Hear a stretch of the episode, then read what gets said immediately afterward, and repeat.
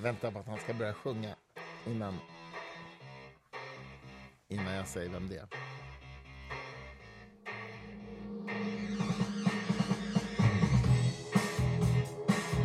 Det här var ganska bra, faktiskt. Men jag gillar ju upprepning. Du gör ju det. Men eh, ska se om du har en aning när sången kommer.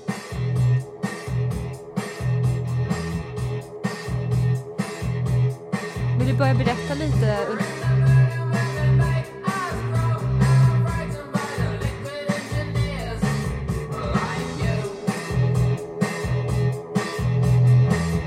Nej, jag tror inte du vet vad det här är. Nej.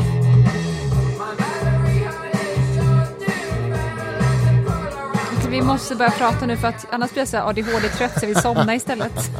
Jag måste bara jag hade en kompis förr som hette Berit. Ja, Berit. Skitsmart. Var typ vice ordförande i Mensa. Jag Mm. frågade henne någon gång, vill du gå på bio på lördag? Hon bara, skulle aldrig gå på bio. Jag får ont i huvudet om jag inte pratar. så jävla ADHD hade hon. Det var roligt. Ja. Jag får ont i huvudet om jag inte pratar. Nej, men det här är så supernördigt eh, nostalgi för mig. Det här är alltså Gary Newman. Jaha. Gary Newman.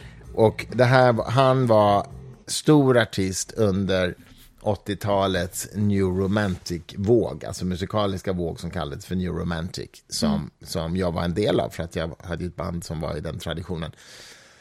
Och eh, det är så roligt för att han, ja, ja, han var stor där på 80-talet, Gary Newman. Sen har jag inte hört talas om honom sen dess. Men sen så när du och jag nu gjorde vår live-talkshow på Cirkus i söndags, då spelade ju Noise på Cirkus på stora scenen samtidigt. What are the odds? Som också är ju också nostalgi för mig, för det är ju goda vänner till mig. Och Peter Thyrén som fortfarande leder det här nya Noise-projektet är ju en jättegod vän till mig.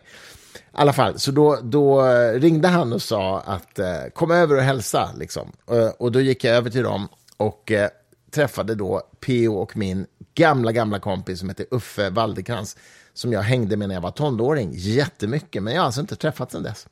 Och det var bara det var ju så roligt. Och så frågade jag vad han gjorde nu för tiden och då sa han, ja, bland annat är jag manager åt Gary Newman. Och jag Nej. bara liksom, det var sån blast. Som vi lyssnade på nu? Ja, ja, han, han... Är det här svenskt? Nej, nej, nej. Nej. Jag tror att det är engelskt. Okej. Men eh, han, har alltså, han håller alltså fortfarande på då, i någon mening, Gary Mm. Newman. Jag kan tänka mig att han gör det såna nostalgi-gigs, ungefär som Noise gör liksom nu. Mm. Och Uffe då, min gamla kompis, alltså hans manager. Ja, det var bara för roligt alltså. Jag Jesus skrattade ihjäl mig. Det var jag blev lite orolig ett tag att du skulle säga Gary Glitter. Ja, nej, det, För det, låg, det skulle kunna vara Gary Glitter. Men sen sa du inte Gary Glitter och då blev jag lite ledsen att du inte sa Gary Glitter. Därför att, nej men, ha, eh, säga vad man vill, shit vilken bra musik han gjorde innan han tyvärr då blev ett, en uh, child molester på heltid. Mm. Han sitter väl inne nu? Han lever alltså?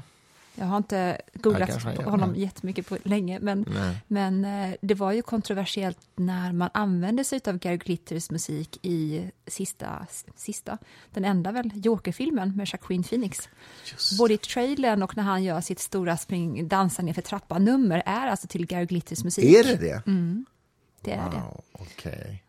Jaha, där, där ser man. Ja, mm, det borde ju vara väldigt eh, inkorrekt i dess, dessa tider, höll jag. Fruktansvärt inkorrekt faktiskt. Ja. Ja. Han, det, det, han ska väl cancelas, så att säga. Gary Glitter? Ja, men jag menar även musiken. Det finns ju sådana tendenser att man inte kan tycka att musiken är bra om personen är ett as. Ja, ja, ja. Men det är ju faktiskt två olika saker. Det är det sannerligen. Har jag berättat i podden om, det kanske inte är värt att berätta. Jag ångrar Får jag bara säga skål först? Skål älskling. Måste ju smaka God på morgon, vill jag säga. God morgon. Det är faktiskt lördag idag. Vi spelar ju in en dag senare än vanligt. Så att Jag minns inte varför, men det blev så här bara. Och sen ska jag visa dig AR, Nej. augmented reality, i, i min och min sons nya VR-headset. Nej, det ska du inte. Jo, jag ska ska berätta jag bara kort om den här sjuka upplevelsen när jag såg Jokern själv, när Mm. jag bodde inne i stan. Och så skulle jag promenera från Hötorget till Ynglingagatan där jag bodde. Och jag hade sett den på bio själv, för jag gillade, Mm. gillar att gå på bio själv, om jag inte går med dig. Och sen så var det mörkt och det var exakt vid den här årstiden. Och då går jag också och lyssnar på filmmusiken från Joker-filmen jättehögt i öronen. Är den bra? Ja, den är, den är bra. Hon heter Hildur Gudnadottir som har gjort den. Ja, som det är är just det, isländska. isländska. Just det. Mm. Och eh, hon tog ju över många filmprojekt efter Jan Johan, inte den Jan Johansen, Jan Johansson, Jan Johan, ja, något sånt där. En annan islänning som var fenomenal filmmusikkompositör. Mm. Han gjorde filmmusiken till eh, Sicaro till exempel, om ni har sett den, som Mm. utspelar sig i knarkkartellfilm. Den var jättebra. Arrival gjorde han också filmmusiken till. Så duktig var han och sen så pundade han tydligen ner sig i Berlin och dog. Och då blev Hildur, som då också var från Island, den som tog över hans projekt. Så hon har gjort musiken till Tjernobyl till exempel, som Skarsgård är med i. Johan Renks regi.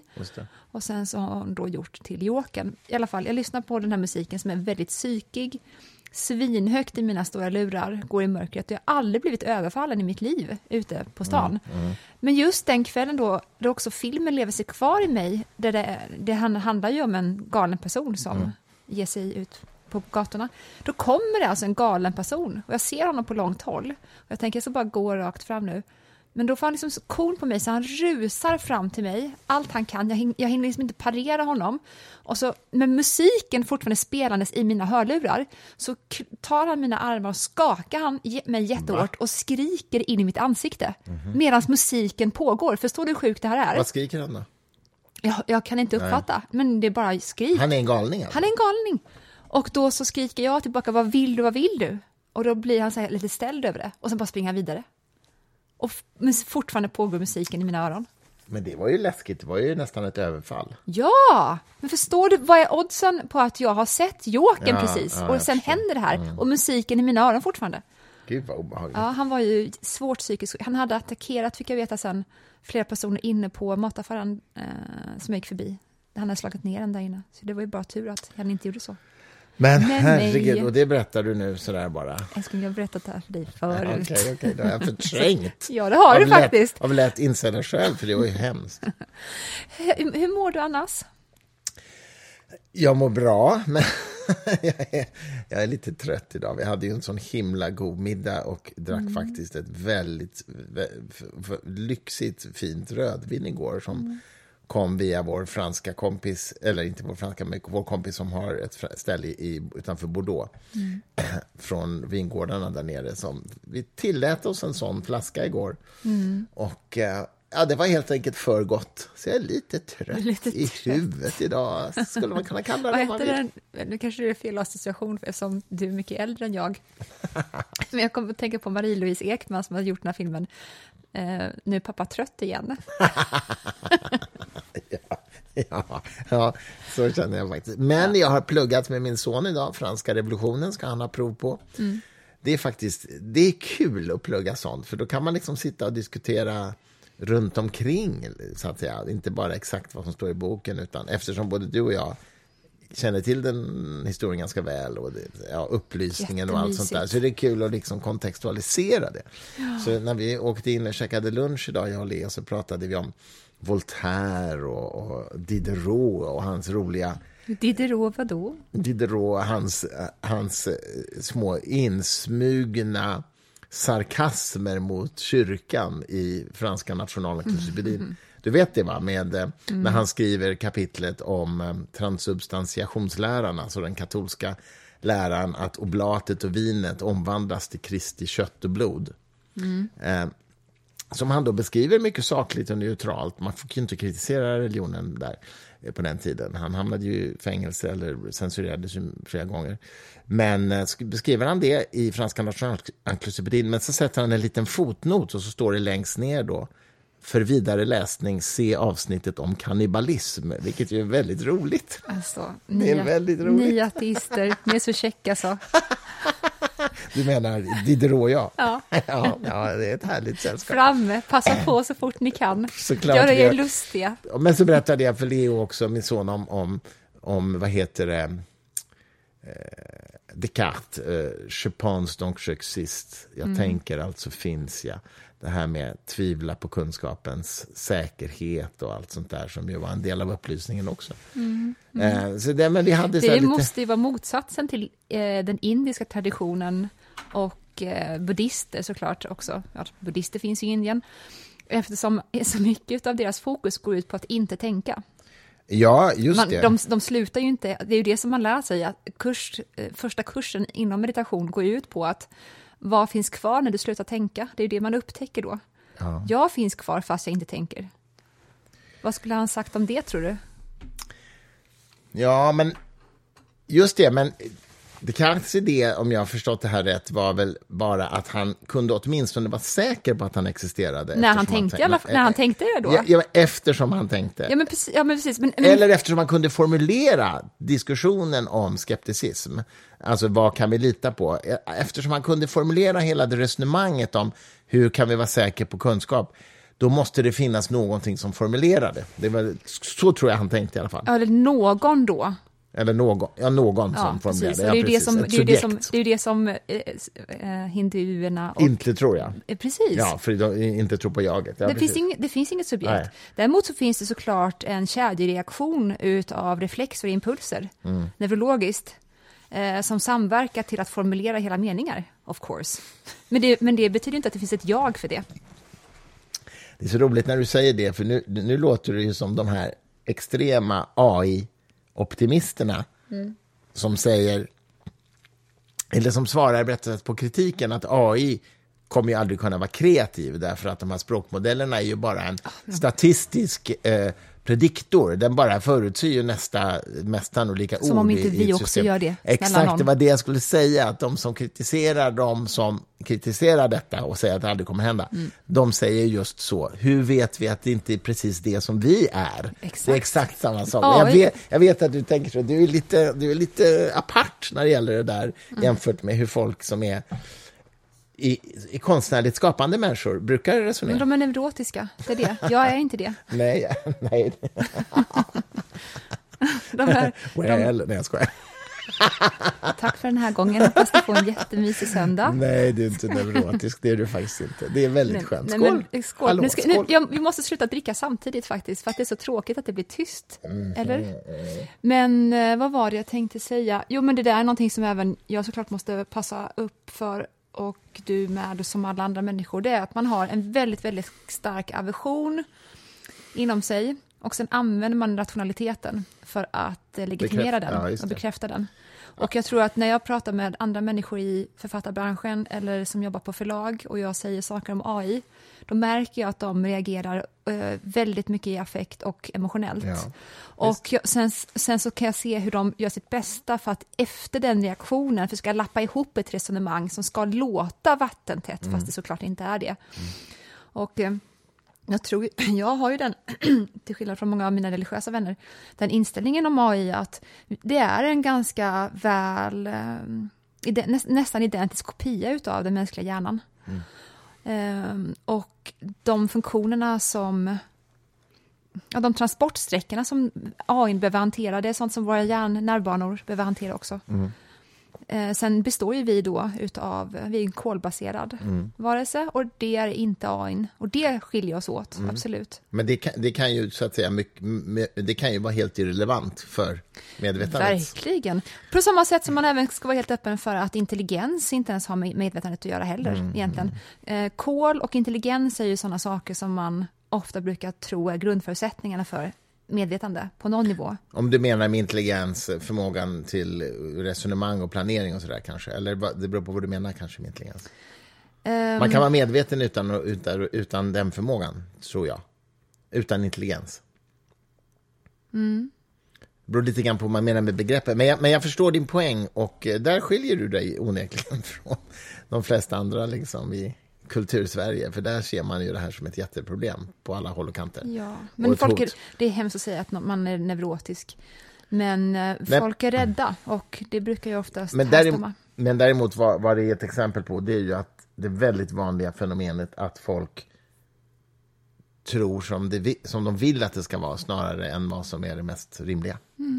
Eh, att de, Mm. Bygger, de, de, de börjar med vad de vill tro och sen bygger de upp argument för det. Det Alltså, var jag- det du menade? Ja? Mm. visst. Och jag, jag vill ju mena att jag älskar konsten och litteraturen så pass mycket.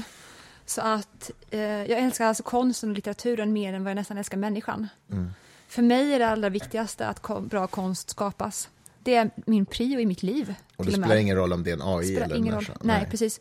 Och eh, de som vill hävda att eh, den mänskliga erfarenheten, vad det nu då är för någonting, är en eh, nödvändig del av att skapa bra konst. Jag tror snarare oftast att den mänskliga erfarenheten kan stå i vägen för bra Mm, konst. Istället. Nej, men liksom det här med huruvida AI är identiskt med hjärnan eller inte. Jag, jag, jag skulle vilja, jag tänker nog att den frågan är öppen, så att säga. Men man kan i alla fall inte utesluta att det är så, så att säga. Sen kanske det finns något, någon aspekt på den mänskliga hjärnan som gör den, som är helt nödvändig. Det vet vi ju inte heller, så att säga. Det är ju så jävla okänt vad det här är. Men, men de som hävdar att det kan inte vara så, det förstår inte jag. Det är för mig dogmatiskt att säga att det kan inte uppstå medvetande i en maskin. Hur fan kan man säga det? Liksom? Det är otroligt inskränkt och dogmatiskt att säga Men det, det. måste ju innebära att de personer, nu ska inte vi falla ner i det här kanske kaninhålet igen, som vi alltid faller ner i kring medvetande. Mm. Men det måste ju vara så att eh, outtalat för sig själva så är det så att de här människorna som säger det du sa nu Mm. eh, vilar den här eh, ställningen omedvetet på någon, något grundaxiom som de instinktivt känner är hotat. Mm. Ja, ja, Eller hur? ja. Och ifall det är på det sättet, då faller eh, marken under deras fötter för att då är deras, eh, eh, deras största tilltro till verkligheten och vad det här är som vi går runt i, det, det här med AI utmanar det på något vis. Och- Jo, men det tror jag också är, är fallet. Eller så tror jag det finns ytterligare en kategori och det är ju de som har en väldigt klassisk, traditionell, teistisk, religiös föreställning där, där Gud har liksom blåst in själen i människan, så att säga. Så Och att, det är något är, helt cent- externt. vi är centrum av alltihopa. Ja. Precis. Och, det, det, det- och det, det, eh, det kan också vara en förklaring. Det, som inte Mm. är samma sorts förklaring som att de inte vill att det ska vara på här, utan det är faktiskt en, en, så att säga, en re, reell f- föreställning om hur det det, är. helt ibland kan det ju vara den förklaring som du sa nu som de inte har medvet, med, medvetande gjort egentligen för sig Exakt, exakt, exakt. Så är det. I alla fall. Nåväl, vi ska faktiskt idag, det är roligt, vi ska på kräftskiva till våra kära vänner Morgan och Emily. Det, det är kul, kräftskiva är ju inte vi på så ofta. Nej, Eh, det blir en gång om året, max, höll jag på att säga. ja, Och vi har haft det med dem eh, varje år. varje år. Mm, varje år låter som vi har haft det i 40 år, men det kanske vi inte har. Men Inte än. förra året hade, hade vi det i alla fall. Och nu ska vi ha det. Det är mysigt. Det är... Men hatt, hattar gillar du inte du? Nej, gud, nej. Vad är det som händer Alltså- dig med hattar? Nej, men att det finns vissa saker som jag faktiskt inte begriper att människor gör. Det är ett till exempel att sätta på sig hattar eller, eller sjunga karaoke. Ja. Det, ja, nej, men jag fattar inte det. Alltså det är så här... Eller liksom det... Här, när vuxna människor blir barn, det tycker jag är... Jag får här sekundärskam av det. Men älskling, nu måste jag... Ska du psykoanalysera mig nu lite? Mm. Jag, måste, jag, jag förstår vad du pekar på, Mm. men jag tror inte att din metafor är så toppen eftersom Mm. du och jag är extremt barnsliga med varandra. Alltså du och jag skulle jag säga beter oss som barn halva tiden. Alltså vi håller på och muppar runt med varandra på ett sätt som du vet, ska vi visa andra människor vad vi håller på med? Jo, okej, jag ger mig. Jag ger Och hur mig. vi pratar. Jag minns en gång som jag var nere i, var nere i Småland och så skulle jag liksom gå från bostadshuset ut till där de har poolen. Och sen så hör, min, så hör min pappa att jag pratar med dig och så Ja. när jag la på sa han varför pratar ni som barn? Ja, ja, det är helt adekvat Och i och för sig.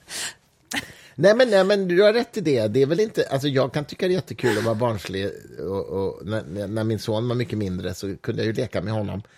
En del, föräldrar... le- hoppas jag. En del, ja, men en del föräldrar. Jag har en god vän som sa att jag lekte aldrig Nu är hon, hon väldigt speciell. Så att det inte... Mm, okej. Eh, jo, det, det är sant. Ja, ja, vi säger inte det. Men, men eh, hon sa nej, men jag leker inte, jag leker inte med mina barn. Jag, jag Så lagar mat och liksom skapar ett tryggt hem. Men leka, det får de göra med sina kompisar. Eh, men Jag så, gillar det lite grann också för jag tycker det är så tråkigt att leka med barn. ja, nej, men det tycker inte jag. Alltså, det, det kan jag tycka. Jag kan tycka det är väldigt kul att se, se uppleva någonting genom barnets Men ögon. det är ju klart, men du vet, har du suttit med en treåring på ett golv, Du vet, man blir så uttråkad efter två minuter. Du, jag, ska, jag skulle vilja se dig. Du bara, nej, jag tycker om att leka med barn. Du, ADHD, jag Det skulle vilja det se dig. Ja, det beror på vad det Det är. Jag har byggt, jag har byggt, mycket, jag har byggt lego med Leo när han var liten. Ja, men det kan jag ju göra nu, det är ju jättemysigt. Det är att det passar vår hjärna bara. för guds skull. Jag brukar ju säga till dig att eh, varför kan det inte vara som på 1800-talet och att jag är man då också? Jag vill ju att vårt äktenskap ska utspela sig på 1800-talet. Det gör du ju redan. Det gör, ja, det gör det faktiskt. Men det är bara det att jag är kvinna nu i det här. Min dröm är ju att jag får liksom låsa in mig på mitt kontor hela dagen och så jobbar jag jättemycket Mm. Det gör där inne. Och det gör jag ju. Och sen då, när eh, in efter middagen, eller inför middagen, då har liksom du då, i den här fantasin, och då är du kvinna också, Mm. då har du liksom badat barnen och tagit på de finaste kläderna. Och då kommer jag ut från mitt kontor och då har jag tagit en whisky där inne också innan. då går jag ut och sen så vet, går jag ner på alla fyra och du vet, rufsar runt med barnen en stund. Lite för hårt och kul. Så de skriker, rädda men glada. och sen så sätter vi oss och äter. Sen lägg, lägger någon barnen åt mig, det vill säga Barnflickan. du. Ja, Eller just det, ja, barnflickan. barnflickan. För då kan du och jag sitta och liksom, vara romantiska, kanske göra ett nytt barn sen, eller hur? och då så liksom går barnen fram till mig och säger så här, godnatt, kära, godnatt bästa far. Jag bara, godnatt. Och de dyrkar mig också för att jag syns ju så sällan. För att du är så svårtillgänglig. Så Exakt så, jag fuckar upp hela deras betingning för resten av livet. nej, herregud. Nej men du, du, jag lovar, de, hade, de här barnen som inte finns, Mm. de hade vid typ så här 45 års ålder varit så här, åh, min pappa var bäst. De hade haft så mycket bra minnen från mig ändå. Fast lite frånvarande kanske. Ja, och jag tycker inte alltid att det är så fel. Det finns jättemånga föräldrar som inte borde vara så närvarande, som är ganska dåligt inflytande på sina barn. Såg du den där skämtteckningen på när en man sitter vid sin dator och skriver och så kommer sonen då Mm. liksom och vill, vill få lite uppmärksamhet och han säger Tyst, stör mig inte. Jag håller på att skriva en roman om min frånvarande pappa. Gud. Är inte det liksom den mest frånstötande versionen av män som skriver om sina frånvarande fäder? Det är ju ett vanligt tema just Ja, nu. men du, alltså just män, det, vet, det här måste jag undersöka, men just män med pappakomplex, Mm. det är så oattraktivt på alla sätt. Det är verkligen det. Mm. Pappa, pappa. Vad håller vi på med? Vad är det här för podd? Nej, men det, nej, men det, det, det där är så intressant. Alltså. Min, min, pappa för, min pappa försvann ju så att säga, via skilsmässan när jag var åtta eller sju eller något sånt där. Och, Mm. eh, men jag har aldrig... Jag har nog aldrig liksom tänkt, tänkt i de banorna att han var en frånvarande pappa, vilket han ju var i rent praktisk mening. Mm. Men eh, jag har liksom inte aldrig funderat på det riktigt. Däremot så, så var han ju en pappa som jag... ja, gud, hur ska jag uttrycka det här då? Som, jag hade väldigt andra värderingar än åsikter än honom och det tyckte jag var jobbigt i den meningen att det fanns inget att se upp till i, i dem. Ja. Eh, utan, Gud, vad bra formulerat. Ja. Så att så, så jag har nog inte ha, liksom, jag har inte haft, jag jag har aldrig haft en sån, jag har aldrig haft något sånt trauma liksom. Nej, men det kanske var också vad jag tror att alla män med pappakomplex har gemensamt i alla fall. Det är ju att trots att papporna är döda så fortsätter de ändå att försöka med dem. Och med det, det menar jag, de försöker eh, att sträcka ut handen till dem på olika sätt. Fast det, det, Om har jag och nog om- aldrig gjort. Nej, det är det jag tänker. jag har aldrig du det är ju...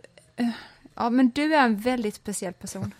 Och Det vet då jag är det, inte, Ja, men- men, men jag har intrycket av dig efter de här åren som vi levt med varandra. Man hade kunnat sätta dig i nästan vad som helst. För att du är så eh, wired till eh, att du ska ha ett gott liv fullt av kärlek och relationer som sitter på en sundhetsnivå som jag nog aldrig har träffat på någon. Alltså, för dig är det så, det är så eh, självklart och odiskutabelt att allting av det viktigaste vad det är relationer ska vara genomsunt. För du är det i, dig själv också. Ja, det blir, livet blir så mycket roligare att leva om det är det, Ja, men du, ja. faktiskt. nej, men alltså, Älskling. ja, nej, men det, det, Jag tänkte på det också tidigare idag när vi var ute och gick faktiskt. Du, och jag har sagt det på den tidigare, förlåt, men du är också så himla, himla kärleksfull. Du är ju det. Mot Hoppas mig och. Leo. Nej men, nej, men jag har aldrig liksom heller varit så här, det här med att bli förälder och så där. Många säger så här, ja, man får ändra sitt liv liksom helt och hållet. Alltså det är ju en livsrevolution därför att det blir, till, det blir det, det är ju en upplevelse att bli förälder som är, som är exceptionell. Men jag har aldrig liksom känt att jag behövt offra någonting. Det är egentligen det jag är ute efter. Många säger så här, man får liksom offra så mycket, men man får något annat. Och så där. Jag har aldrig liksom tänkt i de banorna. Jag har fått otroligt mycket av det, det, det känner jag ju. Men jag har aldrig känt att jag fått ge upp någonting. Nej. Eller offra någonting. Och jag tror att jag har varit en väldigt närvarande pappa faktiskt. Hela, Ja, gud, det har du verkligen. hela min sons liv. Ja, nu ska Jag vi... älskar också att du alltid har längtat efter barn. Att Ja, det har alltid varit faktiskt. så i ditt, i ditt centrum, att du har haft det i dig. Nej, men det är väldigt roligt. Det är roligt nu att se en, en liten pojke bli tonåring och liksom på, på, på, med alla, i alla avseenden. Det är väldigt kul Ja. att vara med på den resan faktiskt. Ja, för mig också. det är ju väldigt kul. Ja, herregud. herregud. Jag funderade på om jag skulle prata lite grann om ehm, Pierre Plantade och hans grundande utav Priori de Sion. Mm. Ehm, jag, känner jag igen från Da Vinci-koden. ja, ja, Priori du... Priori de Vad heter det? Sion Finns det? Fanns det? finns, fast det är inte riktigt som man tror. Jag håller på nu och bygger eh, strukturen för tre nya böcker. Mm.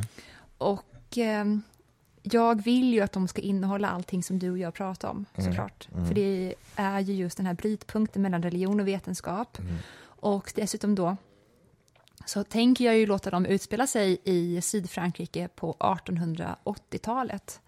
Och då är ju det en tid och en plats där modernismen mullrar inom katolska kyrkan jättemycket. För att de upptäckterna man har gjort då på grund eller med hjälp av upplysningstiden och det som hände, den vetenskapliga revolutionen på 1600-talet med Copernicus och Galileo och så vidare. Eh, De resultaten visar ju att det är inte kanske helt och hållet så som Bibeln säger att det är. Verkligheten kanske ser ut på ett annat vis. Du menar, det började mullra en slags lite mer modern världsbild?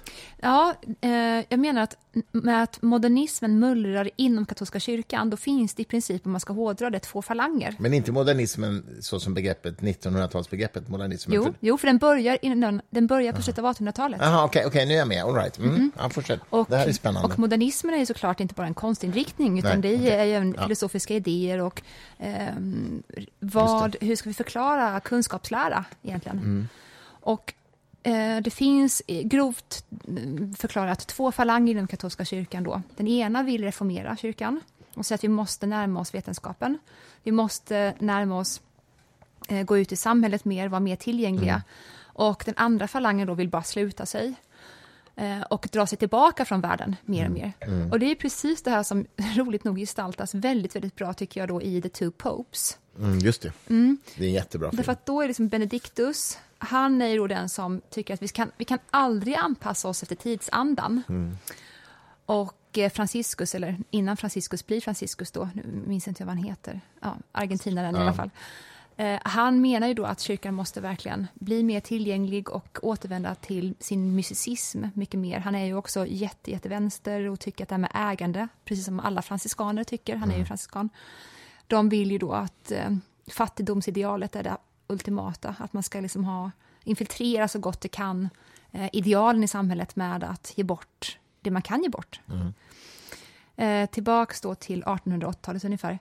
Då så är det en jätte, jätteslitsam debatt som pågår om hur man ska hantera vetenskapen å ena sidan och sen då eh, ja, kommer, vi, kommer kyrkan dela sig igen? För att det här hände ju då när Västrom blev, ja, Västrom och Östrom, romerska riket, blev två stycken riken helt enkelt. Och sen förlorade man ju då Öst, eh, Rom, eller då Konstantinopel, till ottomanerna på typ 1400-talet. Eh, vilket var ett jättestort trauma. Och jag vet inte kanske om man tänkte att, att förlora Östrom på det där sättet, det hade kanske inte hänt om vi hade varit mer enade. Så att katolska kyrkan är jätterädd och har alltid varit efter den här delningen, att den ska ske igen. För att klyvs kyrkan en gång till på mitten, frågan är liksom då, vad är kvar efter det? Och ska den klyvas igen efter det? Kommer det bli bit på bit på bit tills att irrelevansen är total för de som då har varit ja, men katolska passionister? Och det är det som jag har förstått också, eller har fått förklarat för mig, ligger till grunden för varför man ofta då, ofta, varför man är emot till exempel kvinnliga präster, mm. vilket ju är en galenskap. eh, och det, Men det är man ju fortfarande. Ja, det är man verkligen. Mm. Och då har jag fått eh, förklarat att det har att göra med att man är rädd att det kommer innebära en splittring. Och man pallar inte splittringen. Mm. Så det är inte just själva frågan eller principen som är det relevanta, utan det är att man ser rent krast på det. Att ifall vi släpper igenom kvinnliga präster, då kommer de här, de här länderna att lämna oss. Jo, men de gör ju det i sådana fall för att principen är det viktiga. Ja, de, de gör det. Ja, men de som bestämmer förhåller sig fortfarande till frågan på det här sättet. Jag fattar, de är pragmatiska. De är pragmatiska. Att för att det finns ett, en stor falang som är extremt principorienterade och som riskerar att lämna. Afrika. Ja. Mm. ja just det, jag fattar. Filippinerna. Mm. Um, Varför är just de så himla konservativa då, jämfört med resten av världen? Det har vi sagt förut, men att det är ju roligt det här med att... att folk säger så här, det vore ju fräscht med en svart påve, ja. säger folk. Och det de inte fattar är att om vi får en svart påve, då kommer det bli en väldigt konservativ och in, påve. Och, och det är inte, alls liberal. Och det är inte för att den är svart, utan det är för att den kommer från en kultur ja, och ett sammanhang, ja, alltid då. Konservatismen som... sitter ju inte i hudpigmentet, det, det, är ju helt klart. Men det, men det är den kulturen, ja precis. Mm. Men varför är de det då? Jag varför? tror att det har med fattigdom att göra. Okej. Okay. Men det skulle ju kunna vara en mer ekonomiskt vänsterorienterad påve då, på, grund, på grund av fattigdom just. Ja, men vänster är väl inget problem? Eller vad, Nej, vad men jag, menar, jag menar så här. Franciscus är ju ekonomiskt vänster kan man mm, säga. Det är han verkligen. Fattigdomsidealet. Och då menar jag att de påvarna som kommer från fattig del av världen ja. skulle ju lika gärna kunnat vara sådana. Att de liksom vill hjälpa, motverka fattigdom och vara mer liberala och vänster. Men de är inte det, de är superkonservativa. Det vet jag inte. Det, jo, nej, men, de, men, men, alltså det, det är moralkonservativa är de ju. Ja, det är de. Moralkonservativa, absolut. Okay. Ja, så det är ju en annan sak egentligen. Men du tror att de är moralkonservativa för att de kommer från en fattig del av världen? Jag bara försöker förstå. Eh, låt mig lägga ut det så här, och detta är någonting som jag testar medan jag tänker. Mm. Jag tror att det är så att Eh, vad, är, eh, vad finns det för tecken på att det är en väldigt fattig befolkning? Jo, det är väldigt låg utbildning, till mm. exempel. Mm. Mm, okay. eh, och är det väldigt låg utbildning, då är det ofta så att de som griper tag om ett land vad det gäller maktpositioner, eh, de använder lätt också religion som maktmedel. Mm.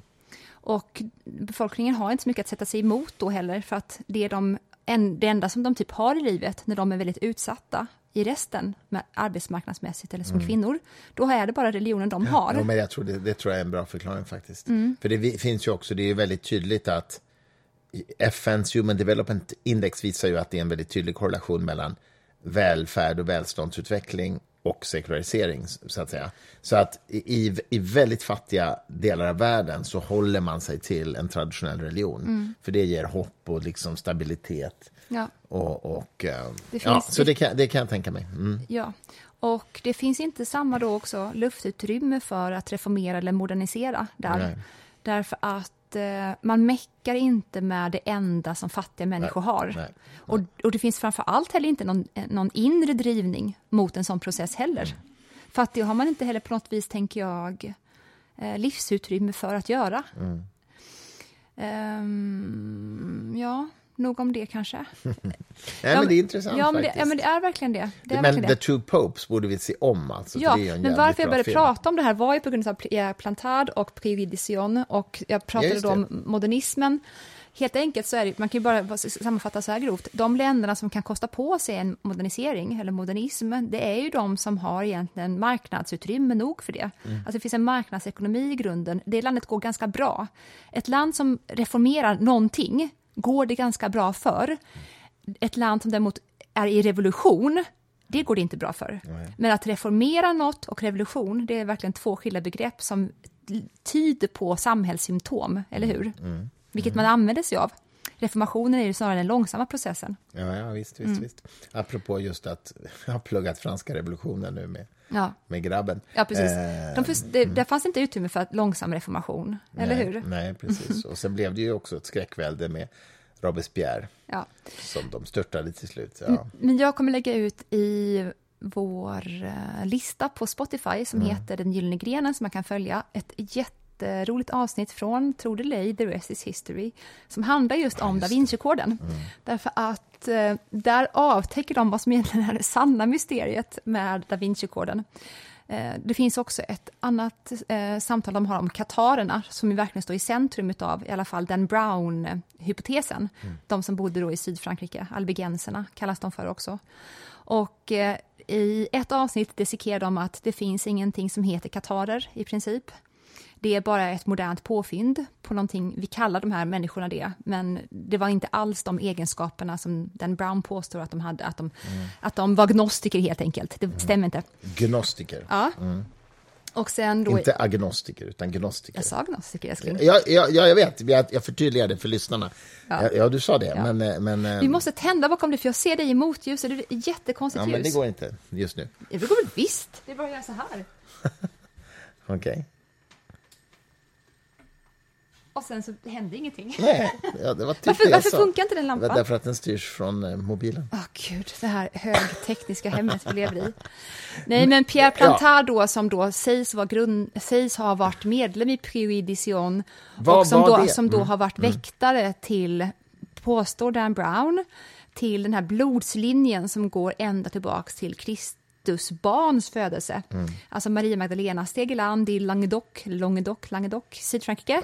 Mm. Och då var hon gravid med deras barn och sen har då, då katarerna, eller gnostikerna, tagit hand om den här blodslinjen.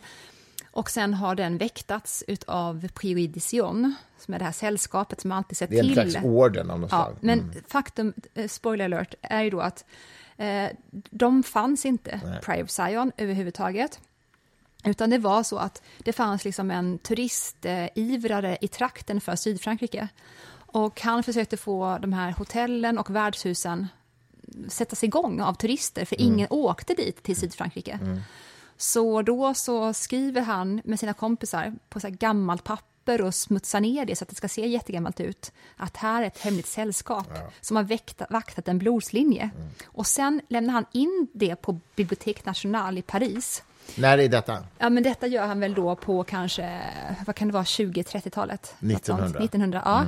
Och saken är den att det är väldigt svårt att sno saker från Bibliotek National, såklart, för de kollar i väskor. Men det är jävligt lätt att smuggla in och katalogisera. Gud vad roligt. Ja, ja, ja. I alla fall var det då så då. Ja. Så att han liksom smugglar in någonting som ska likna som en gammal skrift.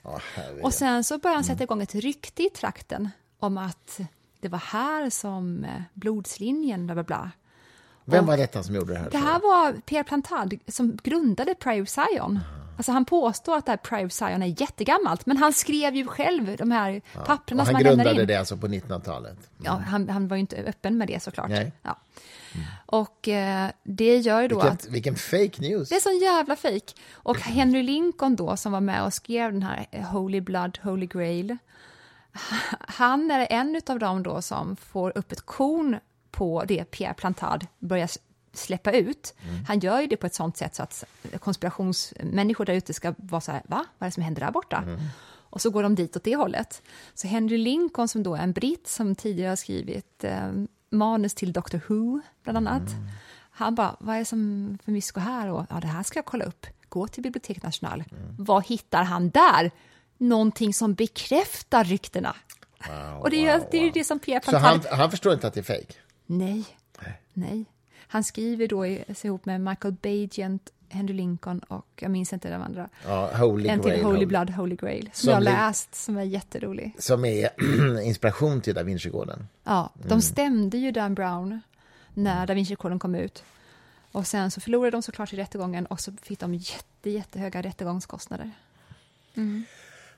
Men kan man säga att det är helt klarlagt att det här var bluff idag? Det är liksom, Han är Ja. avslöjad Han är avslöjad. helt. Mm. Precis. Gud vad intressant. Och det, det erkänner även Lincoln och de som skrev den här, eller? Ja, eh, jag tror att två, minst två av dem är döda. Dan Brown fortsätter ju hävda, han har fått flera frågor i intervjuer då, han säger vad är sant i det här egentligen, det som du skrev i Da Vinci-koden? Då säger han ju allt. Nej, men, Så att han Ja. är ju, han är som, det är vad det är helt enkelt. men det är ju ett bra sales trick såklart. Ja, Ska han komma med en ny roman nu? mm, ganska snart. Det måste man ändå läsa. Jag följer honom på Instagram, jag uppmanar er att göra det också. Det är väldigt roligt. Jag läste hans senaste, vad heter den, Ursprung eller något sånt där, eller Creation, som ju faktiskt är en, en, en, en rolig... Det är ju en, en sekulärhumanistisk rörelse som eh, i allians med vetenskapsmän lyckas visa hur livet uppkom tror jag, på jorden. Jag för mig att det är det som är grundstoryn och att kyrkan då måste stoppa det för att det tar liksom bort hela den religiösa mystiken kring livets uppkomst. Men det är väl många, ja, det är ett tag sedan jag läste den, så jag kommer inte ihåg detaljerna. Har du läst den? Mm, nej, jag orkade inte hela faktiskt. Den har ju inte ens filmats. Konstigt Nej. Du, ska vi börja avrunda? För vi måste snart åka in till stan. Jag vet, vad är klockan ens? Eh, fem. Du ska... Ja, det är hon. Så att jag tänker att jag eh, avslutar med, med avslutar eh, här. lite Gary Newman och sen Men så... hade du, var det en bra podd för dig? Var det kul tycker du? Ja, Bra. ja. Det, här, var- det var ju skitintressant att höra om det där. Jag Ja, känner inte till den historien. Väldigt kort, men jag kommer som sagt lägga ut det på Det. Spotify. Och vi finns såklart på Instagram också, som jag, bara jag har kontroll över. Det är Och- jättekul. Och vi hade ju som sagt live talkshow på Cirkus i, i söndags. Det kommer ju publiceras filmat. Mm. Om man vill, vi pratade om kvantfysiken och dess relation till konst och litteratur och musik från den tiden och hur den Mm. och verklighetens natur och konst, sådär.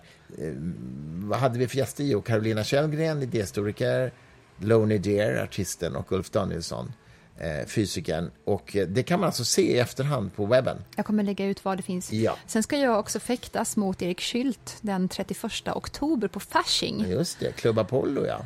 Club Apollo. Om vi ska diskutera moderniteten diskutera, vi ska, vi ska debattera. Det Det- är min förhoppning. Christer kommer dit också och dricker öl medan jag sitter och härjar. Så att vill ni komma och hänga med oss så kom dit. Boka biljett på Faschings hemsida. Precis. Tack för idag. Tack för idag. parents.